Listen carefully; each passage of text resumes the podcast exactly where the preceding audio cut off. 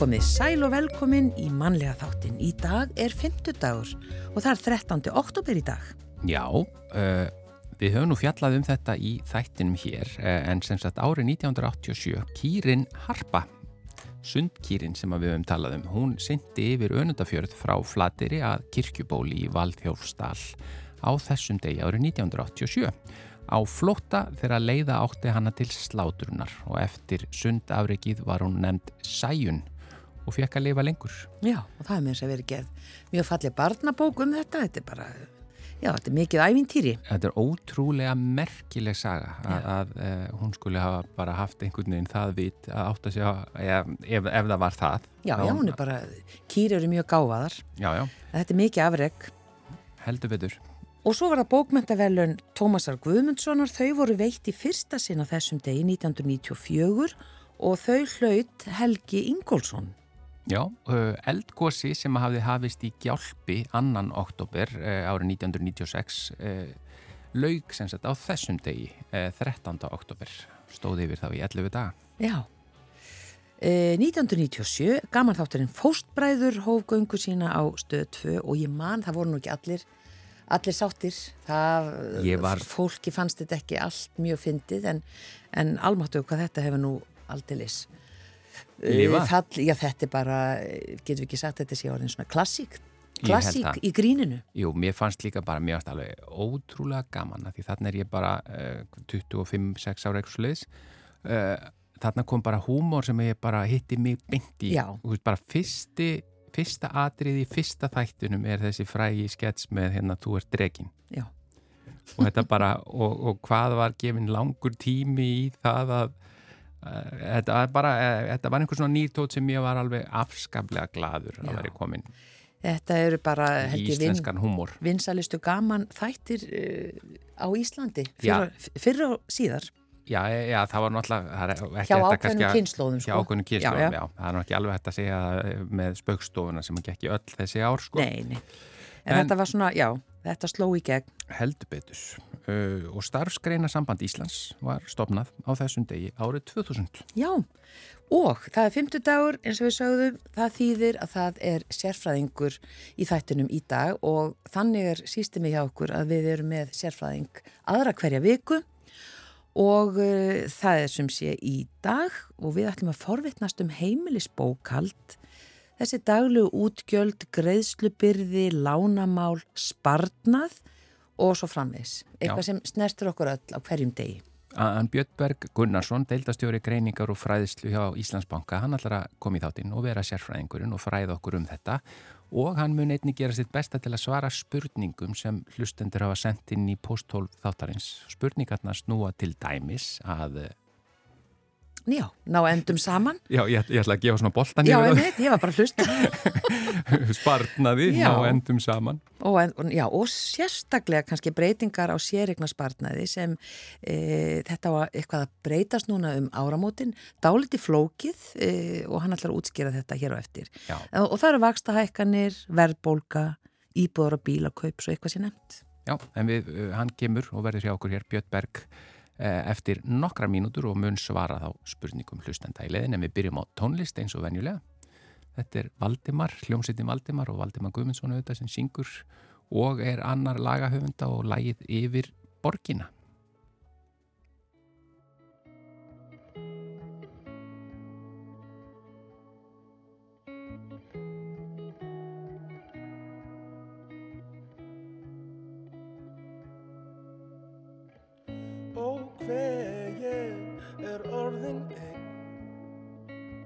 En felða fyrir þér. Hljóttar minn ber. Veit hvað mér er gott en illa gett hætt við götunar seg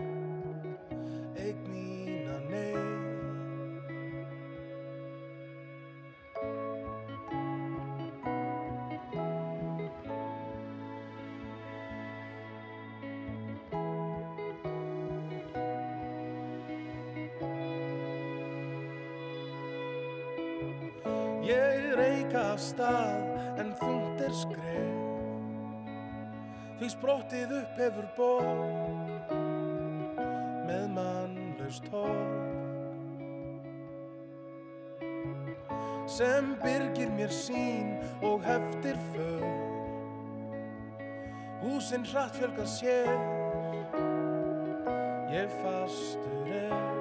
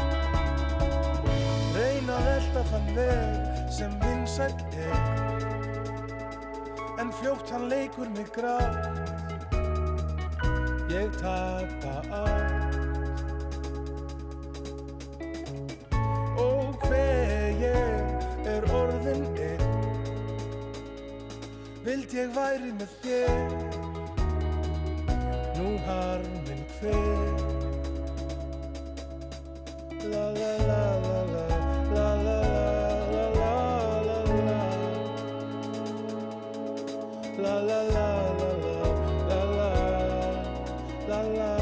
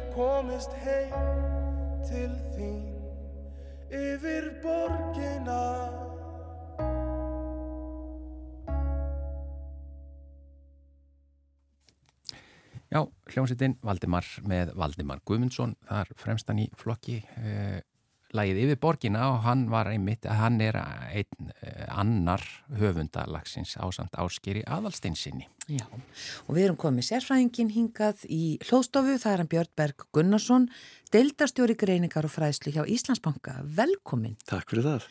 Og við erum búin að aldrei búin að fá margar spurningar frá, frá hlustendum, eh, en við ætlum að kannski nota svona fyrri, fyrri partin í að bara svona tala almennt um fjármál og uh, við höfum oft við Gunnar spjallað um fjármálalæsi Íslendinga sem virðist, virðist kannski ekki vera mjög gott en kannski hefur það eitthvað, ég veit ekki, batnað eftir run eða fólk farið að pæla meira í, í fjármálum. Hva, hver er þín svona reynsla eða skoðun?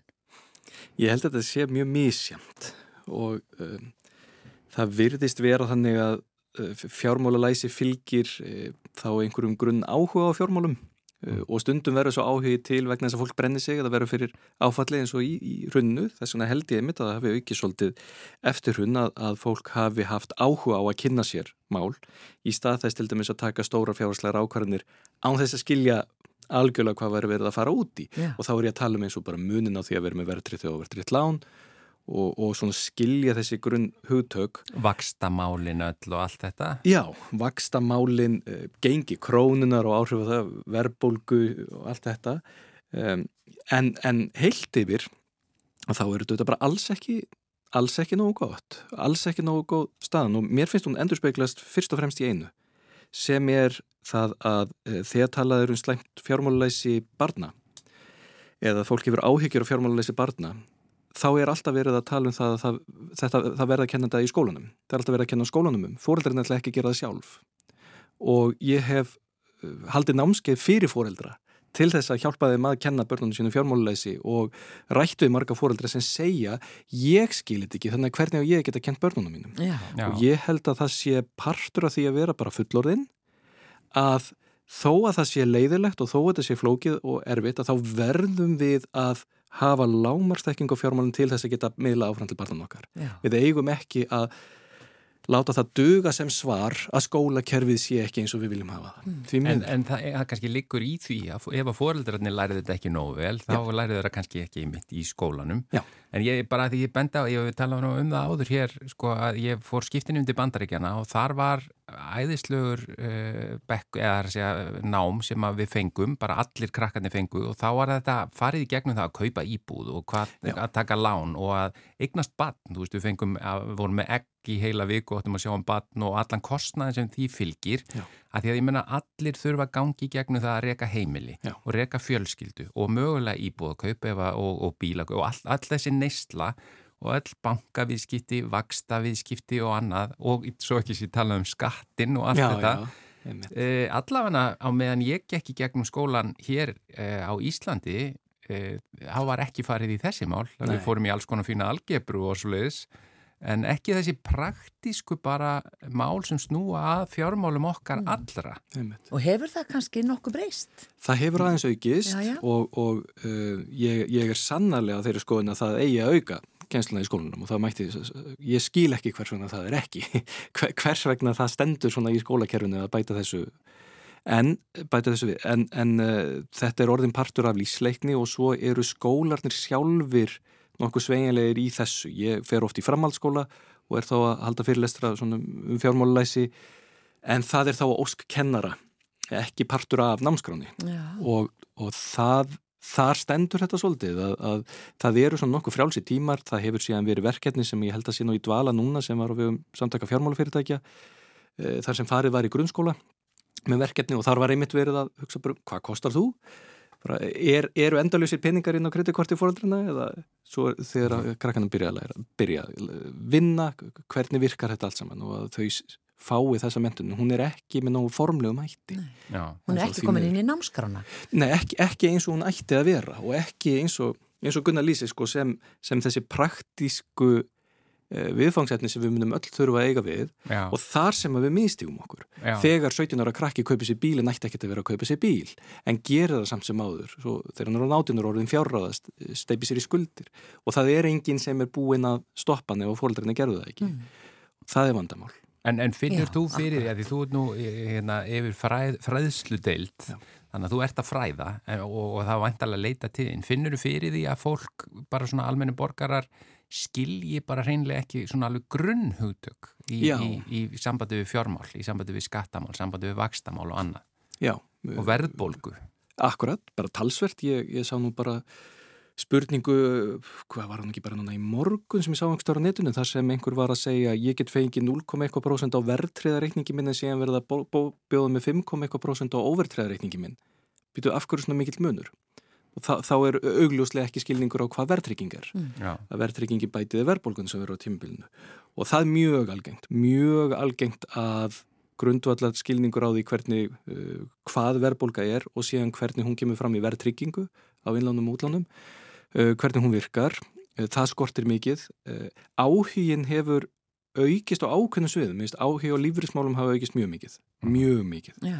miklu, miklu meiri eftirspurn eftir því að eða ég var að segja, fólk er tilbúið að gefa sér lengri tíma og taka þetta meiri alvöru, nú er ég stýttist því að fara að hætta að vinna og ég ætla að setjast yfir þessi mál og ég ætla að læra þetta af því að þetta hefur verið meira í umræðinni uh, samavarandi fjárfestingar, hlutabriða viðskipti sem varði núna til dæmis í COVID greiðal mikið sprengingi umræðum um hlutabriða viðskipti hún var svona misháu plani eða góðu plani uh, en, en uh, áhugin, hann er sá mikilvægasti þykir mér vegna þess að ef þú hefur áhuga einhverju þá kannski ertu tilbúin að taka frá smá tíma í staðin fyrir að horfa á Netflix og þá, þá lærir og þá kemur þessi nöðsynlega þekking sem þarf ekkert bara til þess að vera þá að fjárfæst á hlutabrið að marka eitthvað slíkt, heldur til þess að vita hverju þú átt að vara þig á bara í þínu dælu fjármálum Já. og það er þá skilningur hlutum eins og hvað þýðir það núna að vextir séu búin að hækka þetta mikið? Hvað þýðir það að verðbólgan hafi orðið þetta há og sé að fara hjánandi? Hvað þýða þess að sveiplur á, á íbúamarkaði? Og allt þetta sem við heyrum um í fréttum en uh, ég held að ómargi líti á sem að komiði mikið við. En hafa samt sem áður bein og raunverulega mjög mikil áhrif beint í veskið þeirra. Mm -hmm. Eða bara nenni ekki að skilja það? Já, gæti verið. Nenni ekki að skilja eða hreinlega bara sem ég skil mjög vel að þetta er bara eins og að byrja að læra nýtt tungumál, það, það er rosalega erfitt að byrja á þessu og þá er bara auðveldar að sleppa því og, og, og segja bara, ég, það er það mikil fyrirhöfn að hefjast handa við að læra þetta allt saman að það hefur virkað hinga til hjá mér að skilja ekki neitt í þessu. Og, Já, og kannski líka bara vext þetta fólk í augum. Þegar að fólk byrjar held ég að átta sig á því að, að, að, að þetta sé kannski ekki svo flókið. Mm. En því miður er bara raunveruleikin þannig að við komist ekki hjá því að við ætlum að eiga svona í heilbröðu sambandi við fjármál, þá verðum við að hafa þessa, grunn, skil, þessa grunnþekkingu og þess vegna er svo, er svo erfitt og slæmt þegar, að, þegar hann vantar. Já. Eða ekki bara nota tækifæri þá líka Já. að því að það er taland um skilning og skilningsleysi og annað og, og hérna líferi sjóðir og, líf, og nú er framöndan, hér er einn spurning, byrjum bara hendum henni inn núna af stað, því við erum með fullta spurningum. Já, og hún er bara krefst eh, langs svars. Já, þannig að byrjum á henni. Eh, spurningin er svona, nú er Sæðlabank, nei, fór ég að vilja það, góðan dag, framöndan eru breytingar á sérregna spartnaði sem tengjast líka eitthvað tryggingastofnun. Eh, getur þú útskýrt þessa breytingar uh, á mannamáli? Hvað er að breytast og hvað þýðir þetta?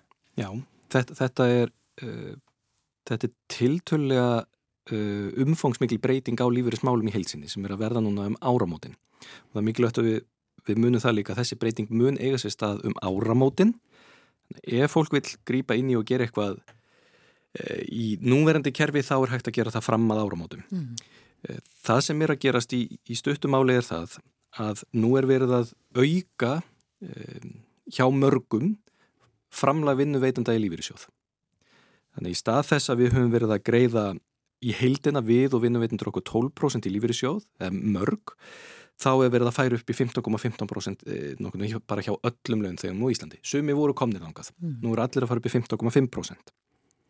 Þessi 3,5% sem er að bætast við hjá mörgum eru ekki að bætast við það sem við köllum samtryggingar lífyrísjóð, þessi, þessi hefðbundu lífyrísréttindi okkar. Mm. Þessi, þegar við tölum lífyrísjóðan okkar þá eru við yfirleitt að tala um þess að mánalögu greiðslu ævilangt, magalífyri, barnalífyri, örurkulífyri og svona þetta, þessi réttindi sem við eigum með lífyrísjóði.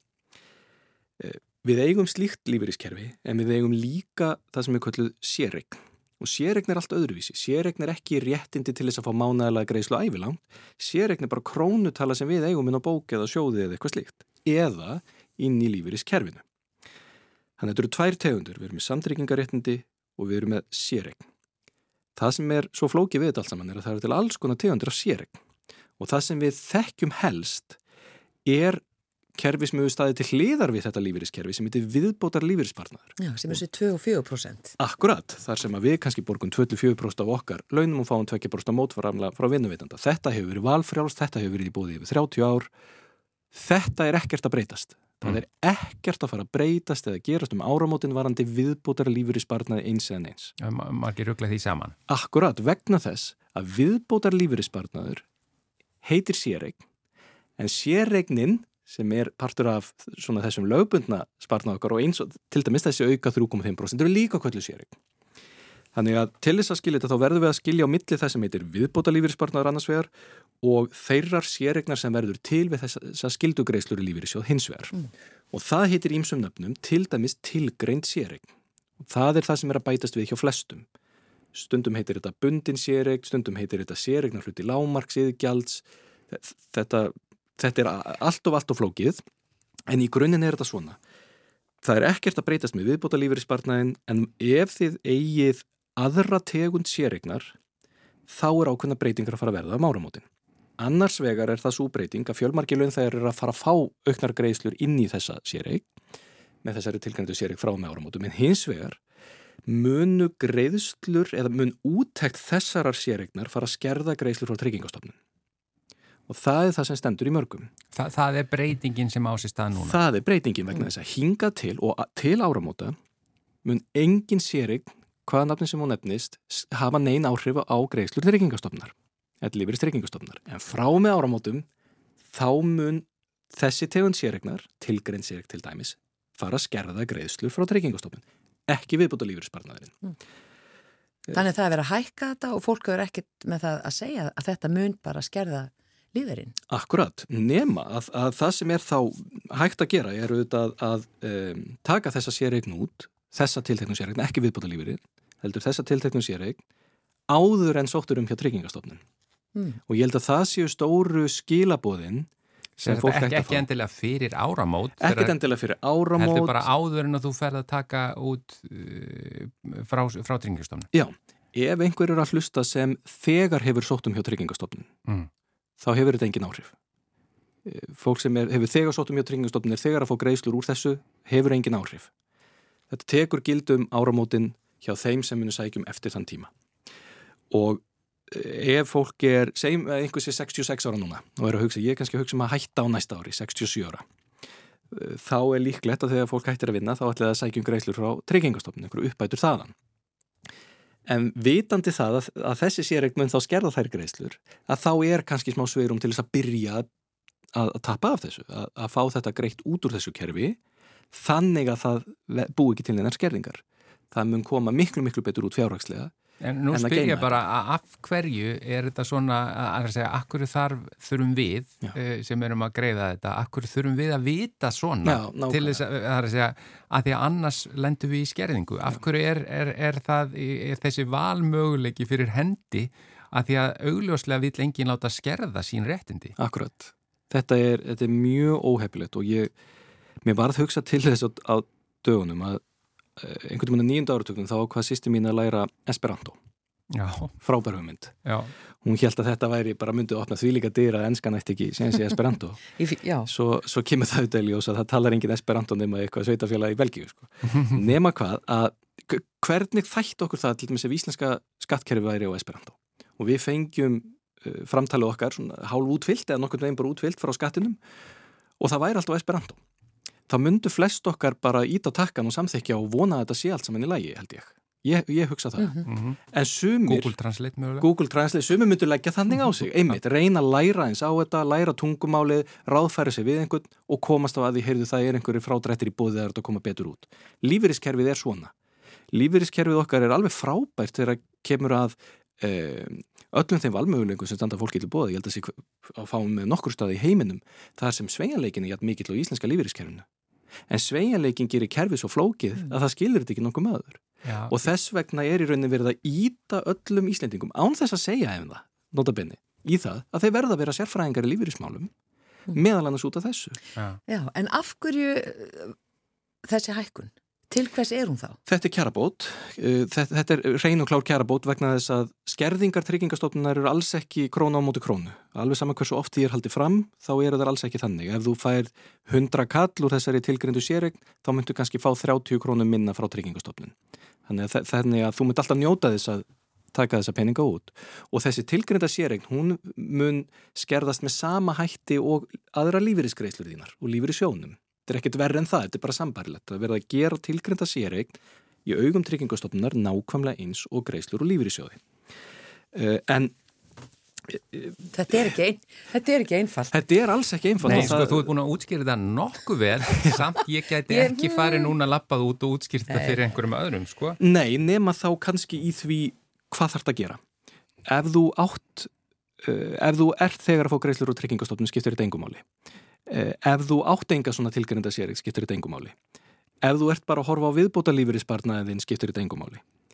Ef þú ert að fara að sapna eða ert búin að sapna svona sérig og þú sér þetta á yfirlitinu í lífeyrissjónum, þá heitir þetta stundum sérregn í, í lámarsiðgjalds eða eitthvað svoleiðis. Þetta er, þetta er hérna partur af skildu Þetta flækir þetta nú ennþá meira. Já, Akkur já. heitir þetta ekki einhverju mjög skýru nafni sem er ekki svona líkt öllu hinn? Nákvæmlega, af hverju heitir allt lífyrir, af hverju Já. heitir allt séreik þá þetta sé ekki það já, sama. Já. nákvæmlega. En ef þú átt svona séreik og ert að hugsa um það að fara að sækjum hjá, sér, uh, hjá tryggingastofnun fljótlega, þá skaltu taka þessa séreik nút áður en þú sækir um.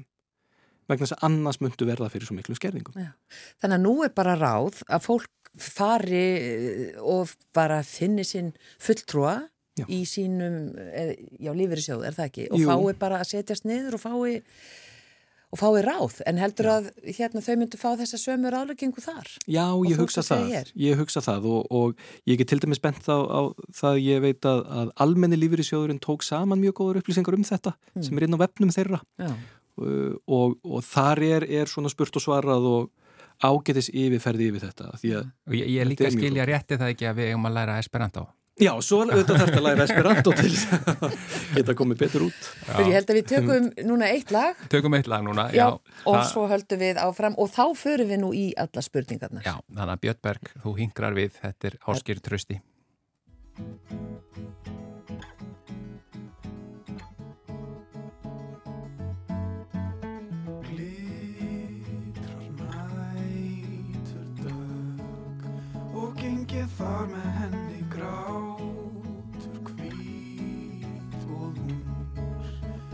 berst frá rauðu húsi læðar strefa hjón og lafir bróð kjafti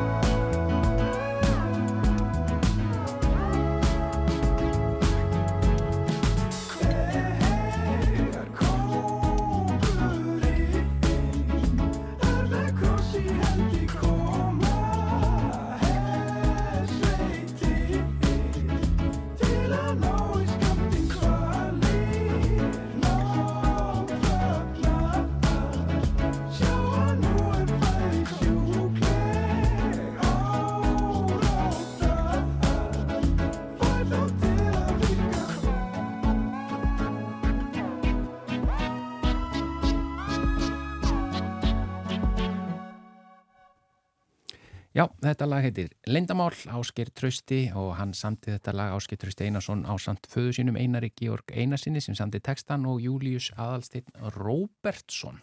Já, nú hann er hjá okkur hann Björnberg Gunnarsson, hann er sérfræðingurinn í dag, hann er deildastjóri greiningar og fræðslu hjá Íslandsbanka og við erum búin að fara, uh, já, um víðan völl hér í fyrir, fyrir partunum aðalega verið að tala um uh, lífeyrissjóði, sérregn og ég veit ekki hvað viðbótar allt mögulegt.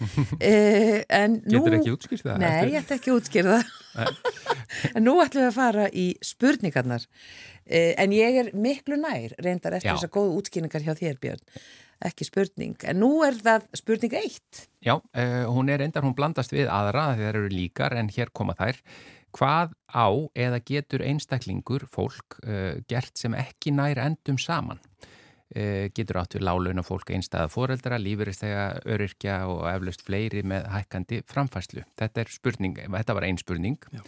Og svo er önnur, uh, hverju myndið þú mæla með við fólk sem hefur ávíkjur af heimilisfjármálunum sínum núni í vetur, til dæmis fólk sem að rak heimilið á nulli síðasta vetur, þrátt fyrir að vextir og verðbolga voru þá mun lægri. Og þetta er svolítið tótnin í dag, fólk, það eru margið með ávíkjur og sem að eiga bara erfitt með að ná endum saman. Hvað segir þú? Já, mér finnst þetta bara nefnilega mjög góð spurning og uh, Ég held að regla nummer eitt sé að íta alls ekki vandandum undan sér. Ekki geima það að grýpa inn í með einhverjum hætti ef hægt er mm. eða leita sér aðstóðar ef það er það sem þarf.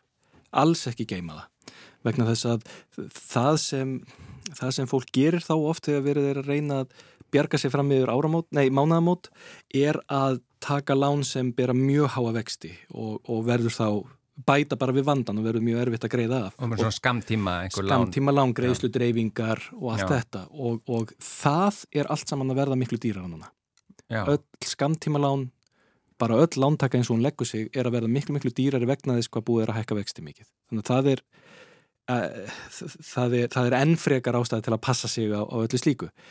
Uh, hvaða fólk að gera við þessar aðstöður? Ég held að það fari svolítið eftir því um, hvort þetta, hvort það sér fyrir endan á vandamálunum eða ekki. Það er að segja hvort þetta er skamtíma ástand eða ekki. Mm. Ef, uh, ef þið sjáu fram á það að tekjunir eitthvað muni aukast eða ættu að geta byrjað að vinna ykkur út á vandamálunum á einhverjum tímapunkti sem þið vitið af, þá snýst þetta um það að geta lámarka kostnaðin þangað til. Og það er þá einmitt með því að leita sér ráðgjafar til dæmis varðandi lánin að, að segjum sem svo að þeir séu með dreifingu á greiðslukortinu, einhverja greiðsludreifingu á einhverjum fötum eða aðtækjum með einhverju reikningum sem eru kannski að bera 20, 30, 40% árlega hlutastölu kostnaðar fara þá í bankan og segja ég mun geta byrjað að, að hérna, borga þetta niður á þessum tímapunkti almenlega mm. geti kannski greittið upp með ódýrara láni skuldabrjáð láni eða yfirdrætti sem ber ekki lántökugjald eða eitthvað slíkt er, er einhver ódýrari leið til þess að fara í gegnum þetta erfiða tímabil. Mm. Mhm. Ef það er óumflíjanlegt að þetta verði erfið tímabil, hver er ódýrasta mögulega legin í gegnum það? Að því ég gef mér fólk, ég er ekkert að fara að segja við fólk sem eru örirkjar eða einstæða mæður að þurfa að, að, að sko, spara í útgjöldunum sínum. Það er, fólk er bara þegar búið að reyna allt Já. í því. Eh, þannig að ef að aðstæðinir eru hins vegar mjög alvarlegar, ef fólk er komið alveg upp við vegg og það sér ekki neinstadar þann tímapunkt að það geti byrjað að greiða niður þessar skuldir þá, þá er, er málið að, að uh, ráðfæra sér til dæmis við uh, getur verið lögfræðinga, bankan eða jættvel umbásmann skuldara ef, ef að aðstæðanur eru mjög alvarlegar en mér finnst ég bara að sjá allt of ofta vegna þess hvað þetta er stór ákvörðun að taka og nútunum verið svakalur í maganu þegar fólk mætir á staðin mm. að þá ítir fólk vandanum of lengi á undan sér mætir svo til dæmis til umbúsmannsskuldar og þá er vandin orðin svo stór mm. að kostnæðurum við að leysa úrunum er orðin og mikill. Mm. En þá spyr ég, er, eru bankarnir nú saminu þýðir? Koma þeir að móts við fólk? Nú verð ég bara viðkynna, ég, ég þekki bara svo lítið til þar. Þetta eru þá samskipti á milli, milli hérna, innheimtu deilda og lögfræðinga í bankanum og, mm. og oft lögfræðing út í bæ eða fólk. Ég bara þekki það ekki. En það sem ég veit þó að var gert til dæmis í COVID og er ennþá núna er að, að allskyns fristingar og, og, og, og lengingar í lánum og slíkt að það var losa talsveit um svona lagað. Það var liðkað fyrir svona, þessum úrræðum. Mm. mm. En, en úrræði eru samt sem áður alltaf til þess að lengja í þú þarft samt alltaf á einhverjum, tí, einhverjum, einhverjum tímapunkti að greiða alls saman niður. Mm. Já, það er verið að íta aðeins á undan. Já, verið að íta vandanum á undan og þess vegna er svo mikil munur á því hvort þessi vandi er vegna þess að þú sér tímabundi út á vinnumarkaði eða í námið eða eitthvað slíkt eða, eða hvort að þetta sé verði langvarandi og alveg vandi. Já. Það meist fólk oft tala um að, að, að, hérna, að bankarnir sé ekki kannski beint að vinna fyrir það e, heldur svona meira bara fyrir bankan. Já, ég held að Og, sko, og það sé ákveðin svona ósveigjanleiki í gangi en það er svona, já, þetta heyrir maður sko líka. Já, ég get alveg, alveg ímyndið með það oft, oft sé talsverður ósveigjanleiki en, en ég veit samt að það er ekki það er aldrei hagsmunir bankans að keira fólki alvarleg Nei, fjárhundsvandræði það, akkurat það, sko. það ætti alls ekki að vera þannig en ég gleymd að svara hinnu sem var um það sko ef, ef að- endar að vera rétt náð saman til með Mhm. síðasta vetur Já, og nú vitum við að veturinn verið erfæri þannig að bara frábært að fólk á að innkaupa karfan verður dýrari í vetur. Mm. jólin verða dýrari. Það verður allt þetta daglega og venjulega það verður dýrari í vetur en áður. Það sjálfkrafa mun skilja minna eftir eða jættvel setja þá fólk sem var á núlinu niður í mínus. Og hitt er það að það að greiða af gömlu lánunum það verður dýrara væntalega vegna vaksta hækkana en nýlán verða líka dýrari. Þannig að þetta er allt saman að gera svo sama tíma verðbólgan er að auka kostnaðin við hluti en vextin eru sömu leiðis að gera það. Mm. Það þýðir að ef fólk hefur verið að reka heimilisbókaldið á nulli síðasta vetur þá mun það ekki komast upp með nákvæmlega sömu útgjöld og sömu skuldir þennan vetur. Þannig að þá verðum við að setjast niður yfir heimilisfjármálinu og, reyna að finna einhverja leiðir. Get ég dreigið einhvern veginn úr útgjöldum ef, til dæmis bara eitt dæmi eh, það er mjög, getur verið mjög heilbrygt og gott svona í heimilisfjármálum að skrifa niður það sem við vitum að við munum þurfa að kaupa næstu sex mánuðum. Snirtiförur, föt einhver ákveðna flutti, svo bara býðum við eftir útsölum. Það eru alltaf einhverstaðar útsölur. Annarslægið, þá erum við að þetta krefst smá aga þetta getur dreigið mjög mikið úr útgjöldum. Uh, og, og, og það að, að eh, passa að búa til sveigrum ef það er hægt, ef Mm. það er hægt að byrja að spara svolítið, Já. leggja smá fyrir og búa til sveigrum einhverja hundra áskalla mögulega, ef það er mögulegt þá verður ofbúslega dýrmætt að eiga það inn í þennan vetur svona varasjóð. varasjóð, já, Ef Já. þóttavélinn bilar eða eitthvað. nákvæmlega vegna þess að það mun verða svo dýrt að redda þóttavílinni með að taka lán fyrir henni Já, þannig að nú er ekki tími til þess að taka ný lán. alls ekki, alls ekki En hérna talandi um sparnað, hvort sem að fólk hefur bara svigrum fyrir hann eða ekki, ég veit ekki, þú hefur kannski skoðun á því, en, en hér koma líka tvær spurningar aftur sem eru tengda saman. Einn er bara mjög einföld, hvernig er best að spara í dag? og hinn er sko, mér langar að vita hvort sérfræðingur Íslandsmáka telli það góðan sparnað að leggja inn á verðtriðan reikning sem bundin er í þrjú ár með 0,2% vöxtum. Þa, það er alltaf hægt að svara spurningunum hvort eitthvað sé góð, uh, góður sparnaður eftir á. Það er einn tímpunkturinn sem við getum þá litið í baksíðin speilin og sagt þetta var betur en eitthvað annað. Uh, Það er svo mikil óvissa framundan þó að við til dæmis í greiningu Íslandsbanka séum með spá um þróun vaksta og verðbólgu til dæmis að þá eru aðstæðir þannig til dæmis bara í heiminum í kringum okkur að hlutinni geta breyst mjög hratt eins og þurr hafi verið að gerast á undanförnu. Þannig að það er engin leið fyrir mig að segja núna að það að leggina þessa verðtriðu bók verði betra en það að leggina overtriða bók. Það er hins vegar eitt sem verðtriða bókin hefur sem er það að hún gefur okkur fullvissu um það að halda vergildi pinningana. Þannig að það er markmið fólks fólk hefur áhyggjur af því að það ná ekki að halda vergildi pinningana vegna verðbólgu þá er verðtrið bók leið út úr því. En hún er bundin í þrjú ár og þú myndi ekki geta nálgast peningin í millitíðinni. Eh, En hvað var, var þar besta sparnaðin? Þá er svarið yfirleitt það að, að besti sparnaðurinn eh, kemur ljós eftir að þú ert búin að setjast niður með rákjafa eða kynna þig málið mjög vel. Af því það fer eftir aðstæðum þínum. Ef þú ert að spara fyrir jólunum núna, þá er svarið allt, allt annað en ef þú ert tvítugu að spara fyrir íbúð. Allt, allt annað svar. Þannig að það fer oft eftir markmiðinu En við getum samt sagt sem betur fyrir núna miða við spár okkar um verðbólguvexti að þá eru við loksins núna eftir langa byggð komin í tímabil þar sem að ávöxtun ætti að verða jákvæð án þess að við þurfum að taka mikla áhættu. Það er að þú setur inn á hávaksta bankareikning, overtriðan, þá sínist okkur að við séum komin á þær slóður að En hvað er hávaksta bankareikningur í dag? Því það, manni Já. finnst þetta að vera svo lágar prósentur, ég hugsa bara, vá, ef, ég, ef maður setur á banka þá bara er, er, er, er nánast engin ávöxtun. Já, og nú er það sem, sem betur fyrir búið að lagast mikið, þannig að þú getur fengið alveg yfir 5% á bankareikning í dag. Uh, óvertryggt. Overtryggt. Já, Já. þú getur fengið rétt í kringu nullið yfir nullinu verðtryggt en, en kannski yfir 5% overtryggt og verðbólgan ætti að vera komin í þannig takt að hún haldi ekki yfir þessa vexti, Mm. En að þú varst að tala um að þetta var ekki tími til að taka lán, Já. á það líka við um húsnæðislán.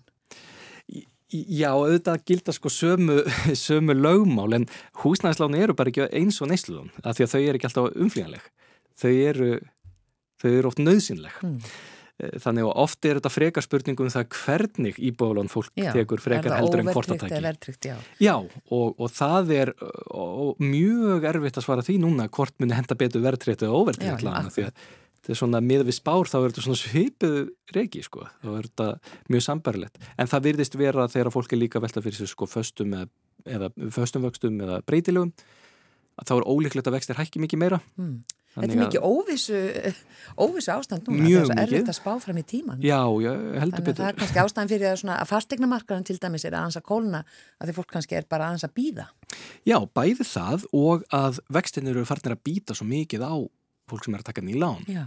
að það er ekkert grín að taka overtritt íbúðalán í þessu vextaumhverju núna er Talandi um vextina, hér er spurning með, sko, Sælabankin búin að hækka vexti mjög mikið að undarförnu og þá er spurning sem ég held að þú geti valla svarað en, en eh, hversu hátt munu þeir fara Já. og eru fordami fyrir þessum hækkunum eh, fyrir utan hrundtíman? Já, já, það er alveg fullt af fordæmi fyrir uh, bæðis þetta háumvöxtum. Við erum á svipuður reiki núna með vextin að þeir voru hvað, 2012 til 2018, þannig að við þekkjum þessa vexti alveg. Munurinn er náttúrulega sá að þeim tíma var engi með overtrílan. Þannig að mm, þeir býta meira núna. Hvað var það fordæmi fyrir svona miklum hækkunum? Já, en ekki mörg og, og það er alveg rétt, til dæmis í aðrandar hruns og slís, en, en, en og í kringu það. En nei, við erum ekki vöni að það sé verið að hækka vext um 5% í Sælabankunum, en það var góð ástæða til til þess að reyna að ná tökum á mjög mikill verðbólgu. Hversu háttmunniði fara? Þeir eru núna 5,75% og við spáum því að þeir fari ekki hærra, ekki, ekki bíli. Að núna sé þetta búin á toppi. Sælabankastjóri talaði þannig síðast að hann vonaði það að þyrtti ekki að hækka meira og teldi sér ekki endilega þurfa það í yfirlýsingu peningastættin nefndar í tengslu við síðustu vaksta hækkun sem var 0,25% þá var orðaleginu breytt varandi fram, svona hvernig þau þessa framsýnu leiðsögt, hvað þau sáu fyrir sér á næstunni. Og það má alveg lesa úr því að þau séu búin. Nema allt var í skrúna nema að gangi mjög illa í, í eða þar að segja nema að vera ómikill hiti í efnahinnum eða mm. kjærasemninga fóru böndunum eða eitthvað slíkt að þá munum þau hækka meira. Við erum frekar að spá því að þeir verði óbreyttir núna næstu mánuðina og kannski uh, í kringu næsta sumar að þá sé hægt að fara að trappa þá aðeins niður en það er ólíklegt að við munum aftur í bráð sjá við líka vexti og við vorum með hérna í COVID. Já, það er sko ein spurning hér. Það heyrist, nei, góðan dag. Heldur Björn Berg að það séu blíkur og lofti varandi fjármálamarkaðin þar að segja er hægt á hruni hér heima og eða á heimsvísu sem er kannski svona smá framhald að þessu segjumast að Nú náttúrulega COVID nýbúið og stríði í gangi í Ukræni sem að allt hefur áhrif. Já. Hvað hva eru blikur á lofti? Uh, já, já.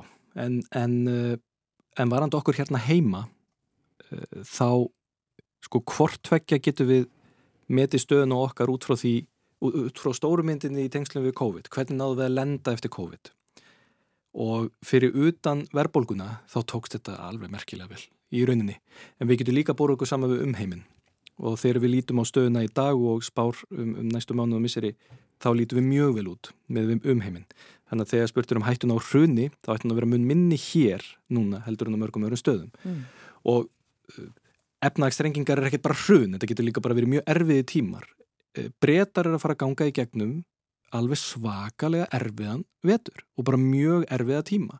Pundið er búið að veikjast uh, hérna, verðbólgan getur færið við 20% það er hálfa ómögulegt að hita húsin í vetur ríkisjóður, legur peningum lífyrirsjóðunir eru meira átt að vandraðum skuldabref, þar að segja fjármögnunar leiðir fyrir breska ríki eru bara þotna upp, hræðilegt ástand þar Allþjóða gjaldirisjóðunum var að byrta núna bara í vikunni, minnum mig, nýja hagspá fyrir heiminn eins og hann leggur sig. Það er verið að spá því að rísastóra hækjum eins og Þískland og Ítalið sé á legin í samdrátt. Það er að segja að það verði, getur kallaða kreppu, þar sem að e, heildar umsvið atvinnulífsins, e, landsframleiðslan, bara dregst saman á milli ára á næsta ári. Við erum ekki að sjá neitt í líkingu við þetta hérna heima. En hefur þetta ekki áhrif á okkur samt? Jú, nefnilega. Þannig að þrátt fyrir að við séum hérna að, að horfa á löndin í kringum okkur vaksum 2-3% en okkur um 7% á þessu ári ríflega og þrátt fyrir að við séum að sjá um 0,1% vöxt á næstu tveimur árum annar staðar en, en kannski á milli 2-3% hérna að þá erum við ekkert eiland þó við séum eiga. Við flytjum inn vandra, vandraðin í löndunum í kringum okkur til dæmis með því að við erum útflutningsland og við stólum á eftirspurn eftir okkar dýra og góða og fína fiski að, eftir ferðalögum hinga til lands til þess að dýra lands og eftir álinn okkar sem fer í að smíða dýra hluti bíla og fluglar og, og annað. Þannig að ef að það dregst mjög mikið saman bara eftirspurn í heimshægkerfinu og það verður erfiðu tími framundan þó að þessi öllum löndunum í kringum þá munum við að sjálfsögðu flytja þá erfiða tíma hingað inn Mm. En í samanburðu við útlönd að þá stöndum við merkilega vel. Eitt til viðbótur er það að erfileikarnir sem ég er að tala um, þeir eru mun raunverulegur á heimilum fólks í mörgum löndum í kringum okkur en hérna. Við erum ekki að lenda í því að það verði kallt á heimilum okkar í vetur, til dæmis, eins og er raunveruleg hætta í meiri að sko moldríkum löndum eins og Þýskalandi og Danmörku og Englandi. Uh, Við erum ekki að horfa, við erum að horfa það að verðbólgan sé að hjana hérna meðan hún er að aukast nánast allstaðar. Þannig sem betur fyrir erum við að leiðin í, í, í rétta átt á meðan því miður virðast, virðast heilmiklu blikur á lofti viðast hver annar staðar. En Já, sko, það er hérna tvær bara aðeins að því við höfum svona rétt komið að því með fastegna markaðin Já. eh, og mögulega því það var bara ótrúlegt ástand á honum eh, fyrir ekki löngu síðan. En það virðist vera einhvers konar hjönnun eða eitthvað slíkt eh, og hérna koma tvær í röð eh, og þú ert mögulega búin að svara einhvað því þú ert búin að tala um hvað er- getur verið óhagst að taka lán í dag. En bara, ein spurningin er bara hvað er að gerast á fastegnamarkanum? Eh, ef, ef, ef verður eru farin að lækka og fastegnaverðið er sögð ástæða þessara miklu verðbólgu, af hverju er hún enn svona mikið, þessi tenging milli fastegnaverðs og verðbólgu og svo er næsta spurningi velti fyrir mér hvort það sé ekki góði tímur í dag til að kaupa íbúð að því það er að lækka verðin já, um, og, Og þetta er- þetta er fyrsta kaups Já, fyrsta kaups, kaupandi. já. Einmitt, það eru margir svona sem er að e- eiga eftir að kaupa svona fyrstu íbúð sem er að hugsa er einhver meira átt að breyting að verða núna þannig ætti ég að býða svolítið og ég veit ekkert hvort að það sé endilega einhver ástæði til þess að býða vegna þess að þetta nýja ástand virðist þegar hafið við erum þegar komin á þann stað að við erum búin að breytast úr við kannski bara einföldu myndina, við erum að fara úr seljendamarkað í kaupendamarkað, getum sett það þannig þau sem hafa verið að selja íbúðir hafa ve- verið í langsterkustu samningsstöðinu undanförnum árum kaupendur hafa svona þurft að taka því sem þeim hefur bóðist. Já. Nú er það þannig að fyrir fyrstu kaupendur þá er úrvalið að fara að aukast. Það eru fleiri eignir á sölu, eh, það er heilmikið að koma inn á markaðin á, á, á næstunni og uh, það eru minni líkur á því að verðhækkannar stingi sparnaðin af eins og hefur verið svo sársökufullt fyrir margar sem hafa samvisku samlega verið að leggja fyrir fyrir útborgun en íbúvershækkannar hafa verið svo hraðar að þau hafa fjarlægst kaupin meiri sér Já. með hverju mánuðunum. Þessu virðist vera lokið núna. Núna virðist við vera komin á tímabil þar sem að þessir hái vextir eru farnir að býta það fast auk þess sem að bara uh, aðeins auki frambóð virðist vera að skipta máli að þessar óeðlilega miklu hækkanir á íbúðverði að, að þær séu búnar en það þýr ekkit endilega við séum að fara að sjá einhverja verð lækkanir. Þa, það gæti alveg verið. Okkur finnst líklegt að, að um, það gætu orðið einhverja verð lækkanir til dæmis á raunvirði það, það, þannig að verðbólgan verði hraðari heldur en íbúðverðshækkanir. Það er alls ekkert ólíklegt að það verði einhverja lækkanir um, í einstaka mánuðum Mm. um, og það getur verið misjant á milli landsluta, misjant á milli sérbílis og fjölbílis. Í síðasta mánuði til dæmis lækkaði verið á fjölbíli, nei á, á sérbíli segi, en ekki á fjölbíli. Og uh, við erum ekki að spá því að þegar við lítum yfir tólmánaða tímabil að þá verði nafnverð, þar sé bara krónutala á eignum búin að lækka, en það gæti alveg gerst, það er ekkit útilokað. En við teljum ástandi ekki vera orðið það svakalegt að, að það muni endilega gerast. Ef ef þú ert að kaupa fyrstu íbúð þá ertu að stendur þetta bóða herri eh, lána prósenta eða Já. segja, hérna, af eigninni Já. Eh, og þú varst að tala um að þetta sé erfiðu tími upp á lán og Já. vexti og annað. Eh, ef maður er að kaupa fyrstu íbúð á maður að, að býða aðeins eða?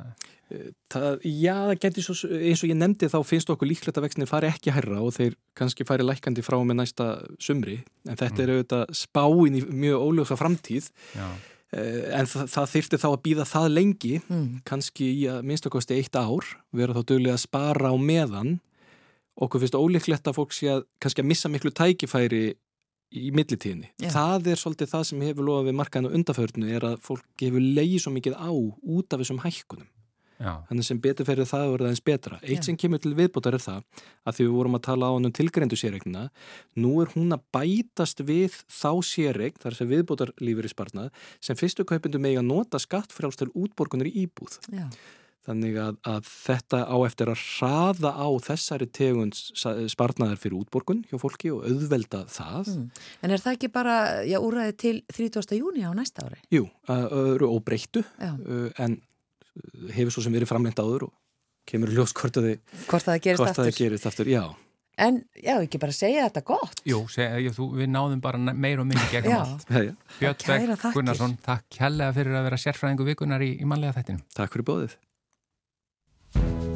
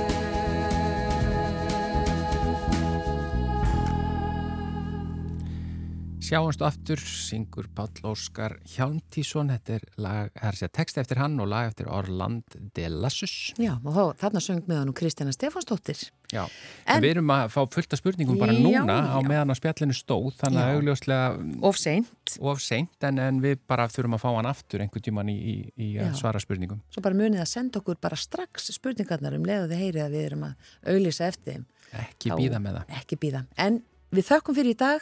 Verið sæl.